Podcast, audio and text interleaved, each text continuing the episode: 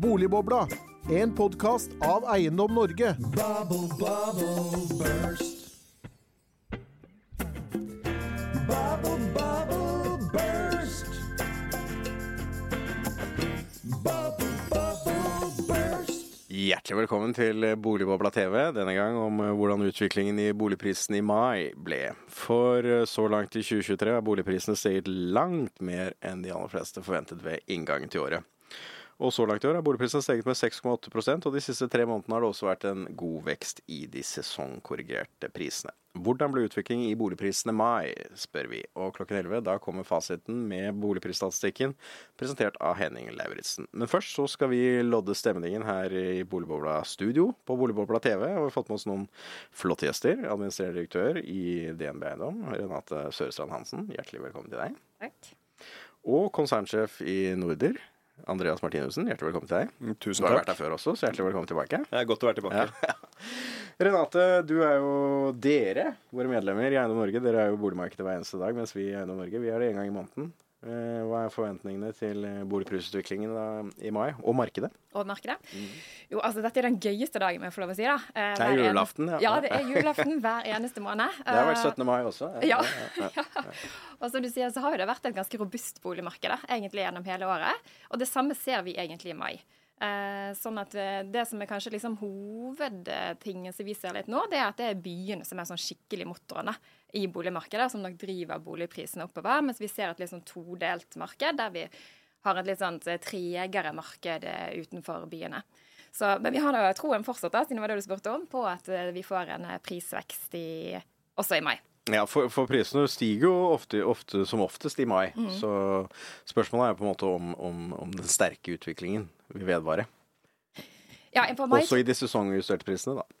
Ja der, tror vi, der tror vi da eh, at den vil være litt opp. Eh, det blir spennende å se. Alltid liksom for farlig sånn 30 minutter før vi får fasiten. Men, desimaltipping. men for, eh, vi, vi tror nok det altså også sesongjustert. Da kanskje en rundt 0,4% at vi får en stigning. Og så tror vi på årsbasis at vi samtidig får en større utflatning, da. Andreas, nyboligmarkedet. Det har jo vært hva skal du si, sorgen bare sorgen lenge. Burde ikke løsne på et eller annet tidspunkt der også, når boligprisene, bruktboligprisene kommer? Eller er de i ferd med å løsne allerede? Ja, nei, det er vel feil å si at eh, det er eh, store tegn til lysning i nyboligmarkedet ennå. Nå, uten å drive for mye egenreklame, så er det jo verdt å bemerke at vi syns jo ikke at det har vært så veldig mørkt eh, så langt. Vi har stort sett prosjekter i de største byene i Norden. Og der er vi veldig positivt overraska over hvor bra salget har gått. Vi ligger eh, 30% foran det jeg opplevde var et ganske ambisiøst budsjett hittil i år. Så det viste at gode prosjekter på de beste beliggenhetene med riktig pris, det selger fremdeles. Også er kanskje jeg blant de som tror at eh, andre halvår kan bli litt tøffere igjen, og at vi først da skal merke ordentlig at det skikkelig bremser. Og det har jo bremsa mye, men også for vår egen del. da, at det bremser så i du, andre du halvår. tror ikke, ser ikke for deg at altså, når boligprisene, bruktboligprisene nå kommer opp, at det på et eller annet tidspunkt skal løsne også i skikkelig nyboligmarkedet? Jeg tror at det skal løse, eller løsne skikkelig eh, litt lenger fram i løypa. Altså neste år, da?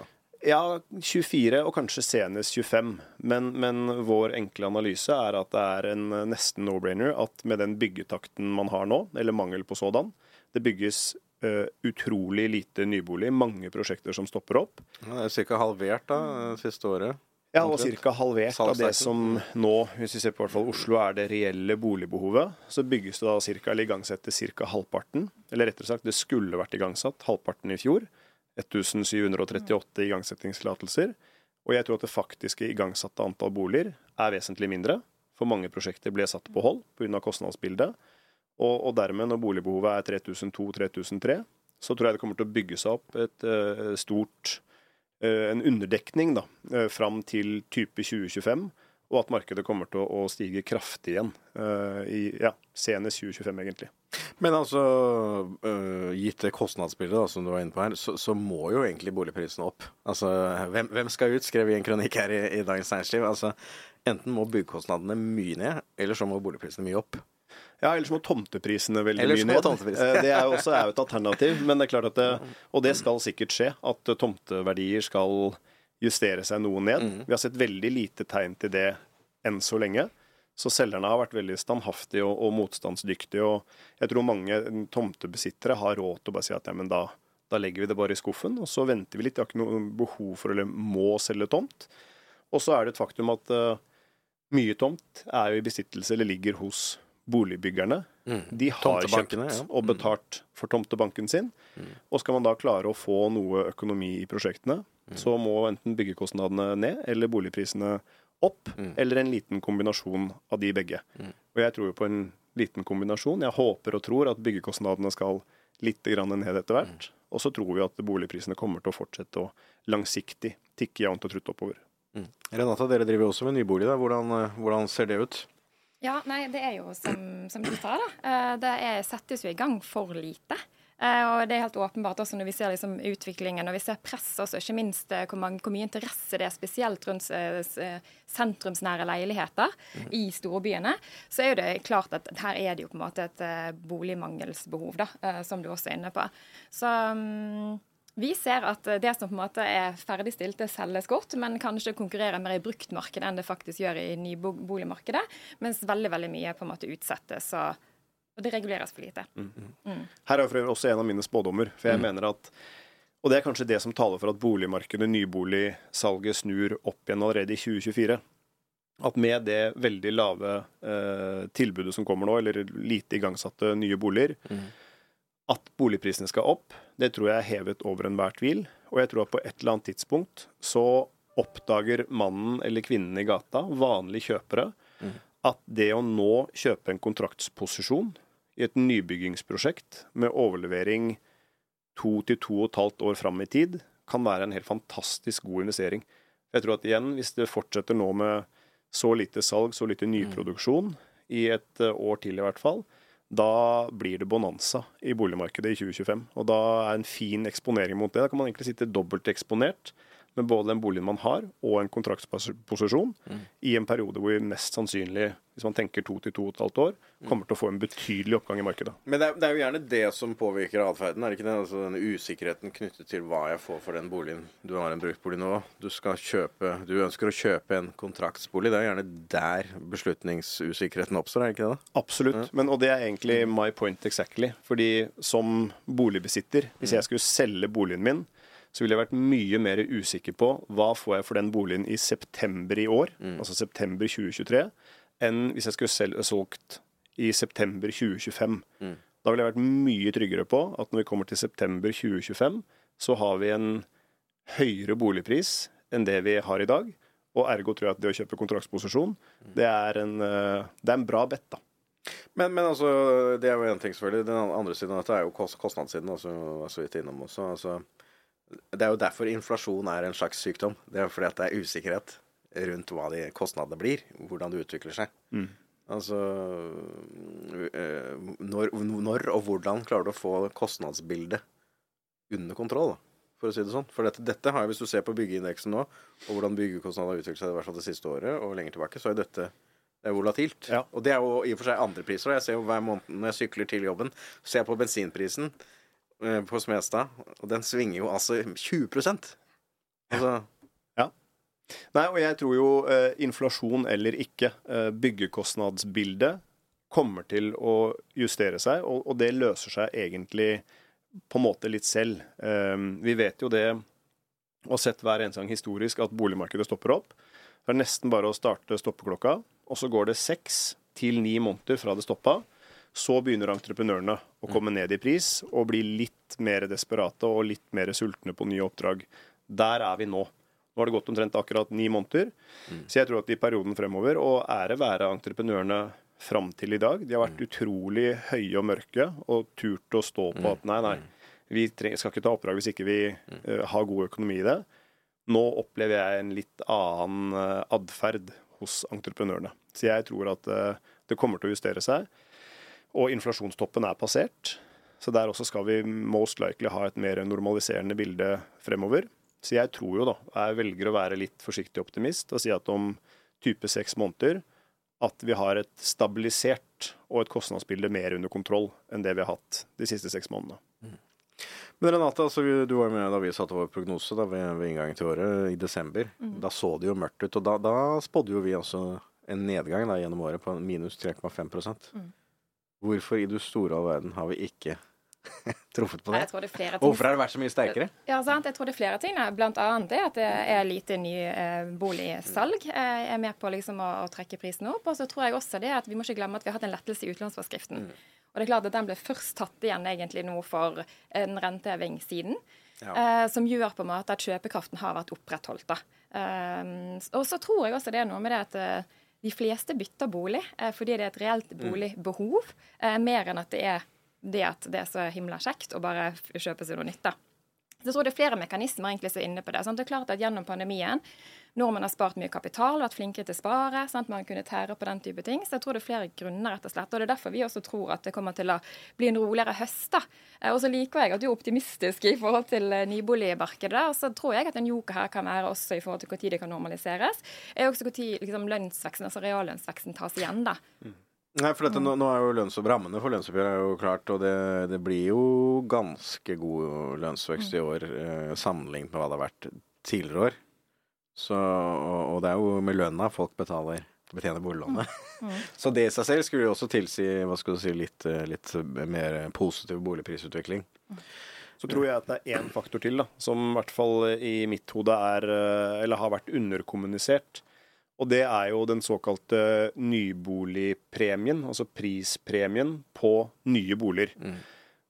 Den har jo historisk de siste 20 årene eh, variert et sted mellom cirka... For nye boliger skal være litt dyrere enn De burde være mye dyrere. En det- ny bil er dyrere enn en brukt bil. Forutenom sjarmfaktoren, ja. kanskje, i en del gamle, flotte Frogner-leiligheter Eh, med Arkitekturoppgjøret, takhøyde Ja, og, og stukkatur og osv. Så, så er det jo sånn at eh, hvis du ser på ren funksjon da, Mm. og kvalitet, så, er, så burde nybolig være vesentlig dyrere.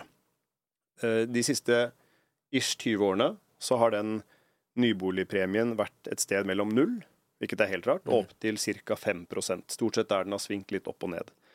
Nå er den premien på landsbasis ca. 20% og i Oslo er den nesten 30% Det er helt vilt. Over bruktprisen, altså Over i, det, i det tilsvarende området. Så bare litt sånn overforenkla eksempel, da. Men en kjøper som skal ha en leilighet eh, som koster 5 millioner kroner, nybolig, og så kan du kjøpe den samme leiligheten i bruktboligmarkedet for fire. Da blir det på en måte et enkelt valg for veldig mange, og i hvert fall når lånemuligheten med boliglånsforskriften osv. er begrenser hvor mye kan du kjøpe for. Det tror jeg har gjort at eh, mange har trukket bort fra nybolig til brukt i enda større grad enn tidligere, og at det er en faktor som virkelig er med på å understøtte prisene og drive prisene i bruktboligmarkedet. Men hvor bør liksom denne hva skal si, premien altså Vi husker jo 2016, liksom. Da var det nytt og brukt kostet det samme. Ja. Og nå er den differansen hva skal vi si, 25 pluss, sier du her. Hva, hva er liksom likevekt, da? For å si det sånn. Hva, hva bør den være ideelt sett, etter din, din mening, som utbygger? Nei, altså, og det er jo egentlig bare et regnestykke, en diskonteringsfaktor, med når den boligen er ferdig eh, to år fram i løypen. Hvis du neddiskonterer det, hva skal nåverdien av den boligen være i dag da? Og så kommer det litt an på hvilken rente er det du putter inn der. Men at en nybolig burde være 5-10% dyrere i hvert fall, det mener jeg helt klart. Hvis du ser på igjen funksjon, kvalitet, varighet, eh, energieffektivitet, sånne type ting, så bør den være i hvert fall 5-10% Og det er jo igjen rundt der, eller i hvert fall 5 det har ligget historisk, og vi skal nok tilbake dit. Og da er det gjennom to faktorer. Det ene er at eh, byggekostnadene må komme litt ned, som nevnt, så at det blir litt billigere å bygge. Så vi kan ta oss litt mindre eh, betalt for de nye boligene. Og så er det most likely at bruktboligprisene over Langen skal fortsette å trende oppover.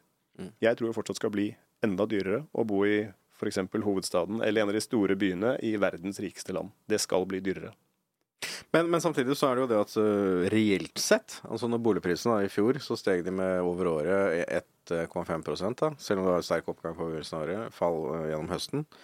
Uh, og KPI tikket jo inn på var det jo 6,4 eller noe sånt i fjor. Eh, da ble jo bolig ble jo billigere, ikke sant? Og det samme er jo ikke helt usannsynlig at det blir i, i år. Eh, hvis KPI ender på et sted eh, la oss si 5-6 eh, og så boligprisene kanskje på 3 bruktboligprisene, så, så er jo det, blir jo boliger for folk flest reelt sett billigere, fordi de også har fått lønns, lønnsvekst. Så det er egentlig positivt, da, eller hva tenker du, Renate? Ja. Og det, gir jo mer, det er jo mer kjøpekraft, altså de får mer lønn, og de er litt grann billigere totalt sett. Ja, det, det som er nå, det er mye usikkerhet nå, da, sant? og det ser jo egentlig at Norges Bank også strever med. Sant? I forhold til liksom renteprognosen som har blitt oppjustert og oppjustert. Da. Eh, og det er jo ikke noe tegn heller til at den svake kronen egentlig på en Mm. måte kommer til å eh, endres med det første, da, sant? som er bra for type Med mindre man får fast kurs på valutaen. ja. Men det får man ikke. Nei, så, så jeg tenker det er ganske mye usikkerhet. Men gitt at den svake kronen kommer til å fortsette, sant? og byggekostnadene da kanskje kommer til så mye, mye eksport, da, kommer til å opprettholdes på, på en måte, et høyere nivå enn det var tidligere, så, så tror jeg liksom, eh, så, så er det liksom Da må jo gjerne lønnsveksten også, på en måte. Sant? Og det er gode vilkår for god lønnsvekst, da, i hvert fall i frontfaget. Så, så her er noen sånne ting som på en måte det, er, det er en del usikkerhetsmomenter, da. Men, eh, men jeg tror jo definitivt at liksom det lave nyboligsalget er helt klart med på å øke bruktboligprisene. og presse bruktboligprisene opp, og spesielt i storbyene. At når vi ser liksom at det selges eh, og er så stor rift om de minste, minste sentrumsleilighetene, så tenker man jo også tenke bygges det riktig? Sant? Eh, Eller bør Det- man det korte svaret er annerledes? Nei. Altså, tenker jeg, og nå, nå driver jeg jo åpenbart oppsnakk, eller forsøk på oppsnakk av eget marked, eh, så vi må jo finne de positive faktorene her. Eller det sagt, jeg, jeg tror jo også at andre halvår kan bli fortsatt veldig utfordrende, og jeg tror eh, vi skal ha en kortsiktig reversering av den nesten altfor sterke boligprisoppgangen som har vært hittil i år. Men det er et par-tre faktorer som jeg tenker at kan være gode sånn, understøtter også for at markedet holder seg forholdsvis bra. Det ene er arbeidsledigheten, som vi var inne på. Nå forventa alle en liten økning, og så falt den eh, i mai til hva var det, 1,7 eller om det var helt Jo, var det ikke 1,7 Minimalt, i hvert fall. Det, ja, det liksom, Det er tilnærmet null arbeidsledighet. Og det er det jo også internasjonalt. Altså USA er kjempe... Kanonsterkt. 339 000 nye jobber skapt forrige måned. Liksom det dobbelte av hva som egentlig var forventet. Og så er det jo også sånn at eh, på siste spørring nå, så var det vel ca. 60% av de spurte som tror på stigende boligpriser fremover. Det blir ikke nødvendigvis noe selvoppfyllende profeti av det, men det at så stor andel av befolkningen tror på positiv prisutvikling, det også er sånn som understøtter litt, eller i hvert fall demper eh, opp for at det blir kraftig fall i markedet. Tror jeg, da. Eh, Så, så du har noen sånne som ja, virker positivt, da. Eh, Og jeg, jeg tror også at selv om det fortsatt vi kanskje ikke har sett rentetoppen i Norge helt ennå, så er vi forbi det punktet hvor folk har skjønt at aha, renter har liksom kommet for å bli, og, og det er ikke lenger sånn at de skal betale 2 bolig. Så jeg tror folk har tatt det inn over seg, og, og tar høyde for at det er et helt annet rentenivå som kommer til å gjelde framover. Så rentesjokket, kall det, er borte, tror jeg. Og det er jo kanskje det som er oppsiktsvekkende, er jo at renten har jo kommet mye opp. når i realiteten doblet seg, nesten. Og kanskje mer enn det for enkelte. Mm, At det ikke har virket kraftigere på boligmarkedet. Altså gitt den Vi hadde den i høst, og så har kanskje bolig, utlånsforskriften korrigert noe av dette. Men hva, hva, på et eller annet tidspunkt må jo dette bite, eller hva tenker du, Renate? Ja, jeg tror at det kommer til å begynne å bite litt nå. da. Eh, Vi har gjort en eh, undersøkelse sammen med Kantar som viser nå at folk eh, sier i litt større grad at de Eller de sier i større grad enn det de gjorde på samme tid i fjor, at de ville solgt for prisantydning. Mens i fjor var tendensen mye mer i forhold til å selge over prisantydning. Så vi opplever liksom at det, det normaliseres slik man tenker. Jeg tror absolutt at det kommer til å bite litt nå. Men jeg også syns det har vært utrolig robust. da. Og jeg tror at det handler litt igjen om den på en måte norske boligmodellen.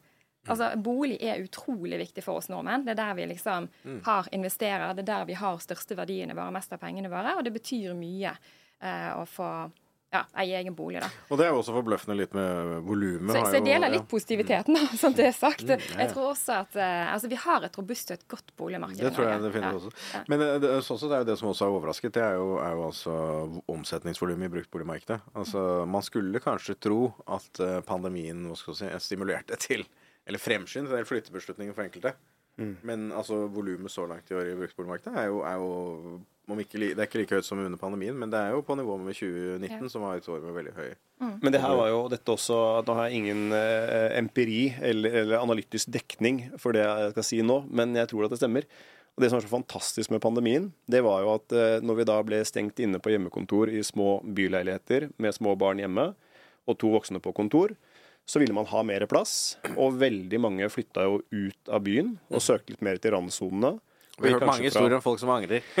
Og der, nå, det, nå kom det meg i forkjøpet. Fordi alle de som da flytta til et fantastisk rekkehus i Ski eller Langhus eller eh, Lillestrøm eller hvor det måtte Eller. Sandefjord enda lenger. ja. Sandefjord hjem til på en måte eh, barndomsplassen sin, og hvor eh, fantastisk det virket å flytte hjem og nærmere familie. Jeg tipper at mange av de angrer som hunder, og ser at det var ikke så gjevt å flytte tilbake til Sandefjord allikevel. eh, Og de savner byen. Så jeg tror at du kommer til å se nå en reversering av litt av de flyttemønstrene. Det er fantastisk å bo i de store byene. Antagelig en del mennesker som vil tilbake, og det er med på å også drive noe av det volumet i bruktboligmarkedet. Litt gjetning, men, men det, det høres veldig fornuftig ut, i hvert fall. Ja, altså Jeg vet ikke hvordan det er i DNB, da, men eh, dere har vel kanskje Er det hjemmekontor fortsatt? Muligheter for det etter pandemien? Eller? Ja, det er det. Ja. Uh, det er Det er hybrid Det arbeidsliv, ja.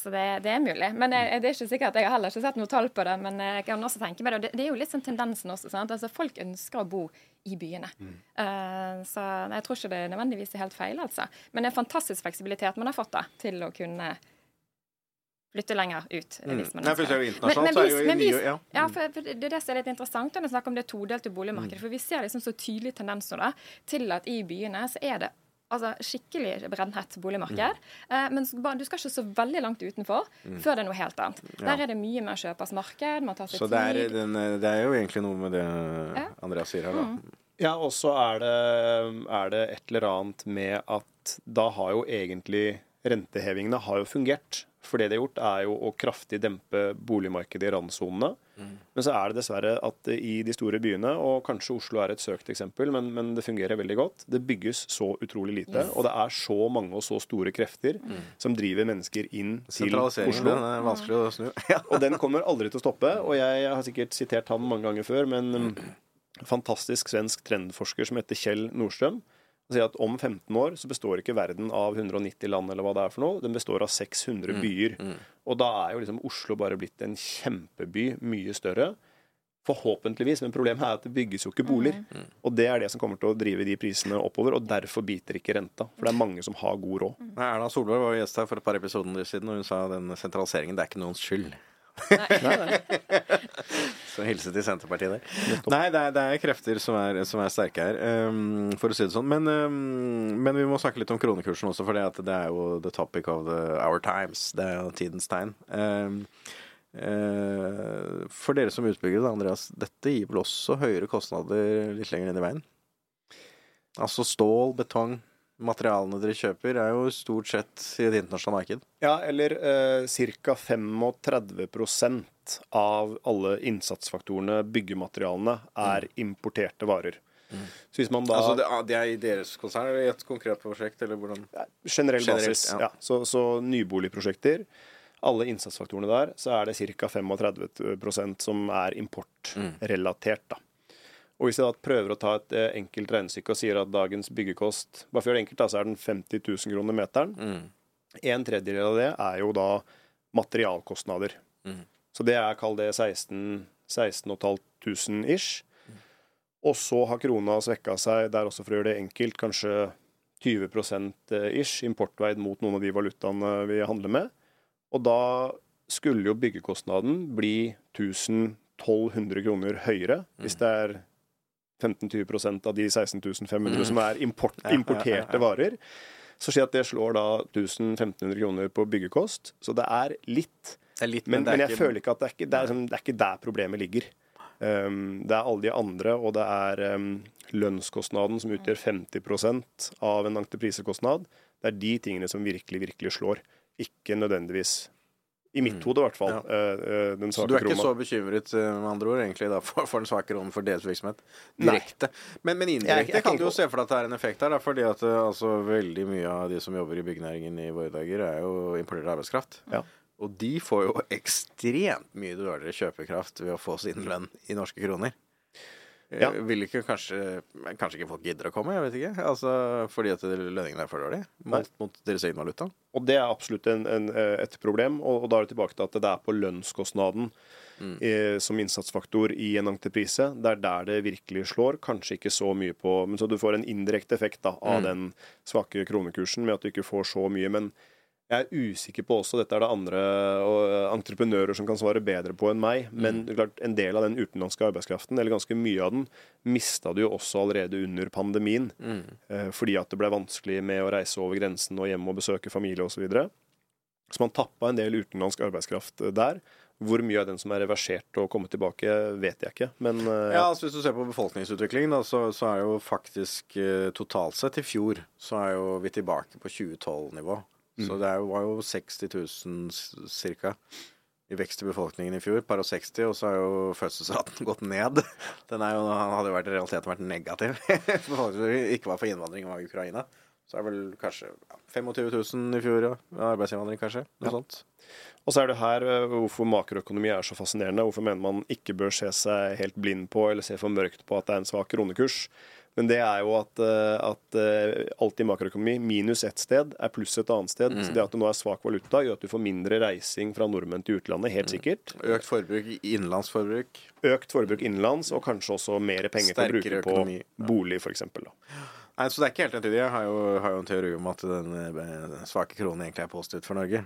Fordi at det da det gjør jo lønninger, Norske lønninger blir jo lavere, da, relativt sett, mot utlandet. og Da vil det kanskje være mer attraktivt for andre å hva skal vi produsere ting her hjemme, da. Som det ikke har vært de siste 15-20 årene. Så det er jo min hjemmesnekrede makroteori. Jeg syns ikke han er dårlig. Det er tvert imot. Det, Det er i hvert fall ikke helt entydig, da. Og når du snakker om politisk usikkerhet, så er ikke det Ja, kanskje. Det er, jeg kan tenke en del andre land som er mer politisk usikre enn Norge. For å ta den debatten, da. Nå ser vi jo det begynner å nærme seg her eh, boligprisene. Hva, skal du gjette på noe tall, da, Renate? Har du noe, noen guess? Ja, jeg har jo gjetta, da. du. Du Jeg skal ha med en gang til, da. Sesongjustert 0,4, var det ikke det? Ja, ish, da. Ja, jeg tror at eh, nominelt så ender vi et sted mellom eh, 0,7 og 1,1, da. Ja. Ja, Og positivt da også sesongjustert, ja. Mm. Mm. ja. Mulig vel her, da. Ja, ja, det er ikke verst, det. Og du Andreas, har du noe desimal? Ja, Nå har vi fått nært fasiten her. Jeg hadde tenkt å si mellom 0 og, og 1% så Det er alltid det tryggeste. Det er det tryggeste. Men la oss kalle det 0,5 Jeg jeg tror på en, en prisstigning i mai. Jeg gjør det. Nei, det er vel ikke usannsynlig at prisene stiger i mai, da. Det, det gjør det jo alltid. Så, så spørsmålet er jo litt sånn hvor- hvor mye det skal bli, eh, eller om det blir flatt, for å si det sånn. Eh, hvis vi tenker litt grann eh, inn mot sommeren, da. eh, Renate, dere, dere vet jo mer om markedet, dere som da er eiendomsmeglere, enn det vi dødelige som ikke driver med det. For dere får jo oppdragene inn. Mm. Hvordan ser liksom tilbudssiden ut eh, fremover, tenker du, frem mot sommeren? Jeg tror det blir ganske god fart i boligmarkedet altså, eh, gjennom hele juni, eh, og kanskje også starten på juli. Mm. Det ser vi i hvert fall i egne tall, da, at vi, eh, vi tar inn mye oppdrag, og det er mange som, som skal selge, og vi har gode porteføljer. Mm. jeg tror det blir en eh, bra juni altså, i mm. bruktboligmarkedet. Det andre som vi hører, Andreas, er, er jo utbyggere. De pleier ofte å si at de ønsker å time overleveringen av de boligene de har under bygging inn mot sommeren. Eh, stemmer det, eller er det Ja, nei, og gudene måtte vite Men hvorfor man ønsker, er ønsker å time det til. Ja. Men det er det som skjer, Ja, ja, av en eller er annen noe sånn årsak. ja. Nei, og jeg tror ikke det har noe med rapportering å gjøre okay. heller. Men uh, overleveringer, ferdigstillinger, har- eller ferdigstillelser, har en lei tendens til å havne i juni og desember. Oh, ja. Så det er årsavslutning, halvårsavslutning. Ja. Ja, men nå det er litt, egentlig litt tilfeldig også, men det, men det blir sånn. Og kanskje fordi at man jager entreprenøren inn til at liksom vi skal, det er de to milepælene man har. Det er jo utrolig dårlig planlegging. Ja. For det å, å rushe overleveringer rett før sommerferie, eller ja, kanskje enda verre rett før juleferie, det er alltid like slitsomt. Og, og hver gang det da er et eller annet med en brukstillatelse eller noe sånt som mangler, og vi vet at uh, etatene de stenger døra når det er sommerferie, og de stenger døra når det er sommer, juleferie. Så man burde egentlig lagt det til mars og september isteden. Men nei, for vi har jo en uh, hypotese om at hadde vi hatt en uh, hva skal du si, datatelling av når overleveringene, når boligene som da er solgt, blir ferdige, så vi hatt en bedre koll på, på tilbudssiden. Fordi de som skal flytte inn, de skal gjerne da selge, og så legger de den kanskje ut på når de får da den De får vel et brev fra deg, gjør de ikke det? Ok, nå Er det tre måneder til er overtakelse? måneder til overtakelse. Da legger de den ut på, for salg. Der i går, pressekonferansen også, så tror jeg vi skal sette over Nå er det rett over til, til Henning Lauritzen her. Så, så kan vi følge opp det overtakelsespoenget etter pressekonferansen. Ærlig. Da setter vi over til Henning Lauritzen her.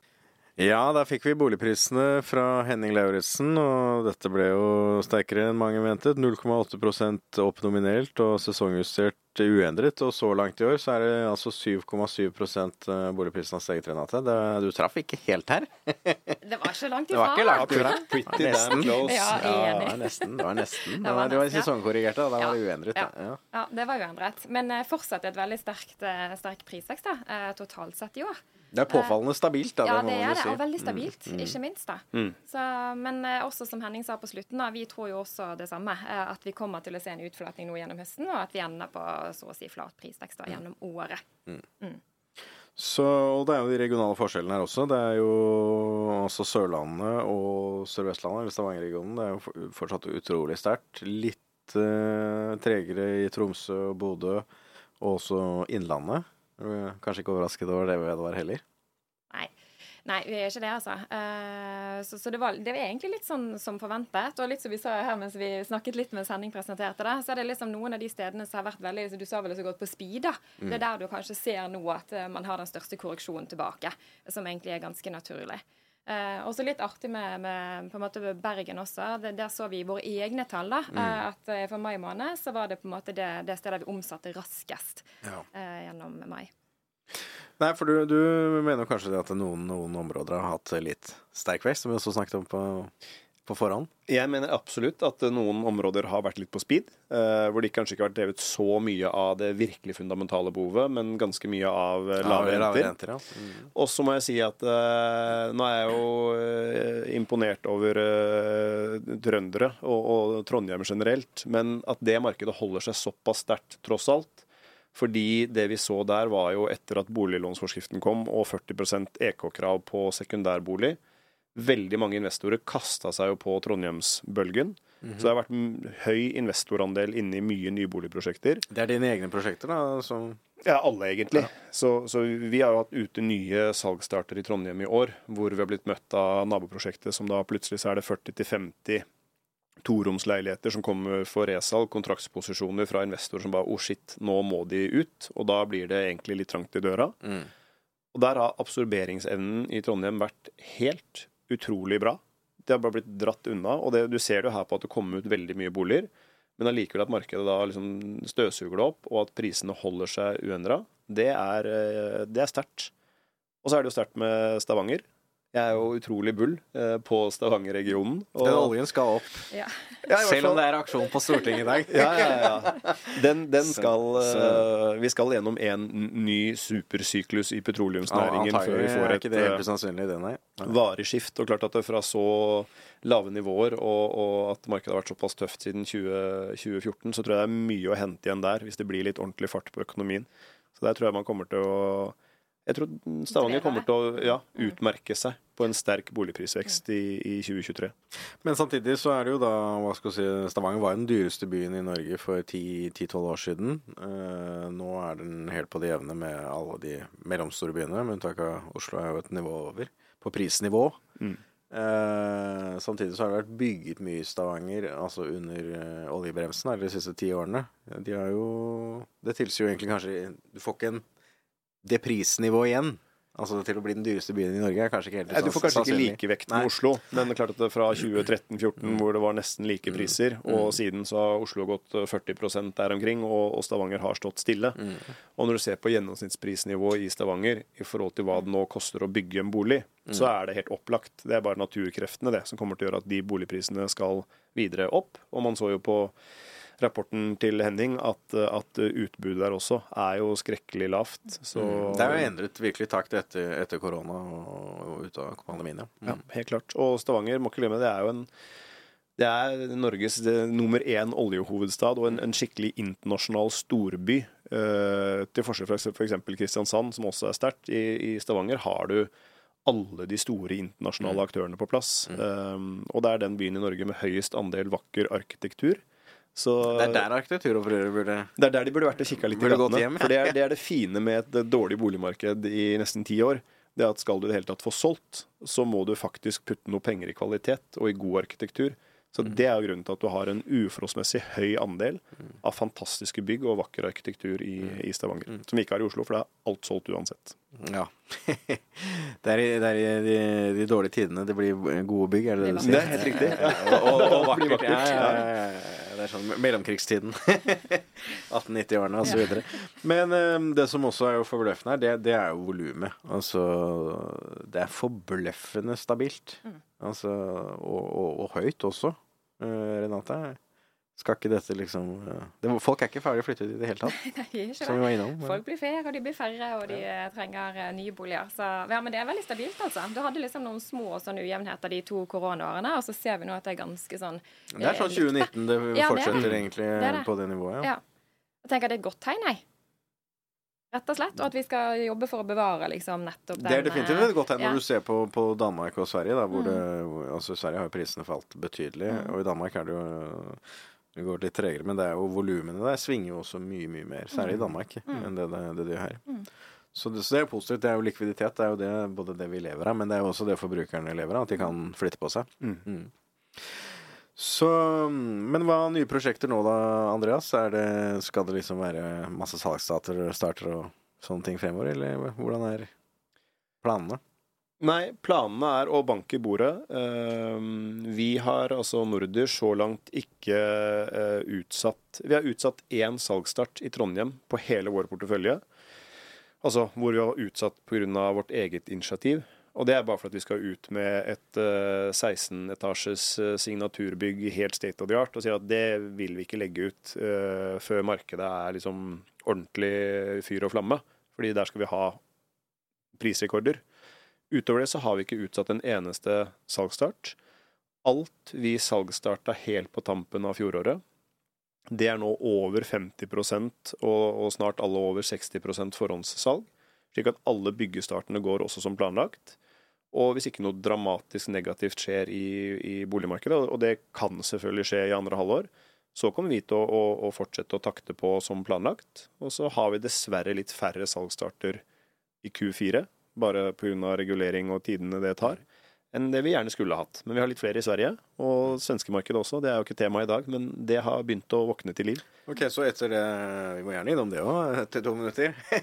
Fordi at det, det jo Vi snakker jo rundt en 10% fall i svenske boligpriser, roughly, og det har faktisk vært mer i Stockholm enn det det har vært i landet for øvrig, så vidt jeg har sett.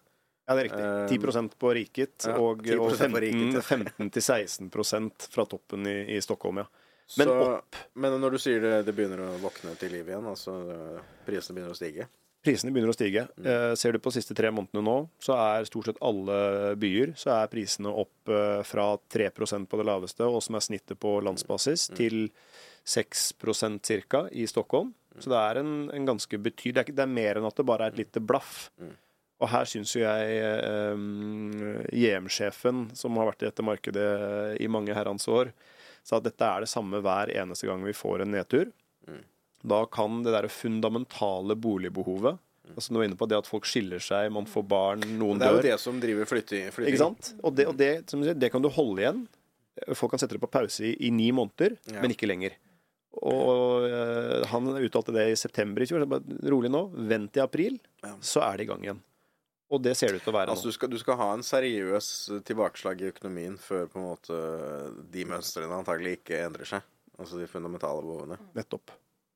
Og det er også er jo litt eh, betryggende for Norges del. For at vi får et så stort tilbakeslag i økonomien, kanskje ikke veldig sannsynlig.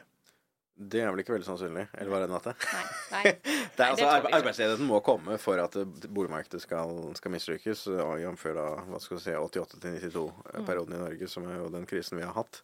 Eh, Det, det er jo ingen tegn til at det blir høy arbeidsledighet i Norge. Nei, nei, heller tvert imot, da, egentlig, med litt av de andre faktorene som vi er inne på i sted også.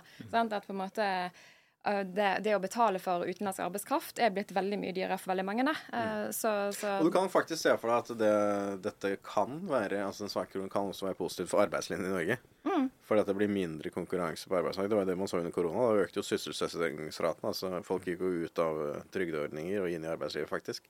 Og du kan faktisk se for deg at arbeidslinjen faktisk styrkes av den situasjonen du er nå. Da skal jo flere bevege seg i boligmarkedet også, antagelig. Riktig. Som er positivt da, for bruktboligmarkedet igjen. Så det er egentlig eh, It's all good Det er bare å liksom seile, seile på. Medvind her, og Andreas seiler òg. Ja, Det ble tonen her i dag, og det var veldig hyggelig. Men, men eh, som nevnt, vi forbereder oss på en litt kaldere høst. Og jeg tror jo det at eh, en del forbrukere og husholdninger har bare greit lukka øynene nå fram til at etter sommerferien er overstått. Den, den skal de på åkkesom. Skattepengene og feriepengene har liksom Skattepengene, feriepengene og spareraten, eller de oppsparte midlene fra koronaen, den bufferen er jo langt på vei nå spist opp. Så jeg tror jo helt ærlig at når folk kommer hjem fra Gran Canaria i august, og liksom åpner postkassa og eh, realiteten innhenter den, så Du mener, jeg folk kommer mener, til å bli mer avventende. du mener de norske fjordene de har ikke råd til å gjøre dette i Gran Canaria nå? Nei, det er verst at reiseselskapene og alle bookingoperatører melder jo om helt sånn vanvittige reservasjoner. og Det er derfor jeg tror at det nå bare Nå tar vi ut det siste kruttet, bruker opp de siste oppsparte midlene. Og så tror jeg at eh, når man kommer hjem til høsten, som sagt, at folk får en litt mer avventende holdning. Og det kommer helt sikkert til å prege boligmarkedet i andre halvår. Det tror jeg absolutt. Og hvis du da kommer hjem fra sommerferie og har brukt opp på en måte mye av eh, pengene dine, eh, og så får du en ny renteheving på toppen, som jo våre makroøkonomer tror Mm. Ja, for det er jo eh, rentemøte nå i juni, og Ja. rentemøte i august. Helt riktig. Så kan jo det bli eh, Det kan bli skikkelig tøft, da. eh, Rett og slett. Eh, Også i form av å Ja, på bo- bruktboligmarkedet. Nei, for det er jo ikke usannsynlig nå også den, den rentedifferansen mot utlandet. Den, den er jo Norges Bank strengt talt booka nødt til å hente inn nå. og Da, det tilsier jo da en kvarting nå, en kvarting i august, kanskje en til i løpet av høsten. Så da er det jo konkurransen i bankpoengene eventuelt som skal dra dette ned. Så, så det er ikke usannsynlig at vi ender på det scenarioet. Men vi har jo Vi skal gå inn for landing. Vi har jo denne sendingen hver eneste måned. Eh, Vi er tilbake med boligprisene i juli eh, om eh, nøyaktig en måned. 4. juli er det vel? Nei, juni, unnskyld. Så, og så er det jo selvfølgelig Eiendom Norge-konferansen, som vi sender her direkte på Boligbobla TV i morgen fra klokken 09.30 til klokken 15. Så på gjensyn da, så ses vi. Takk for denne gang. Takk. Boligbobla, en podkast av Eiendom Norge.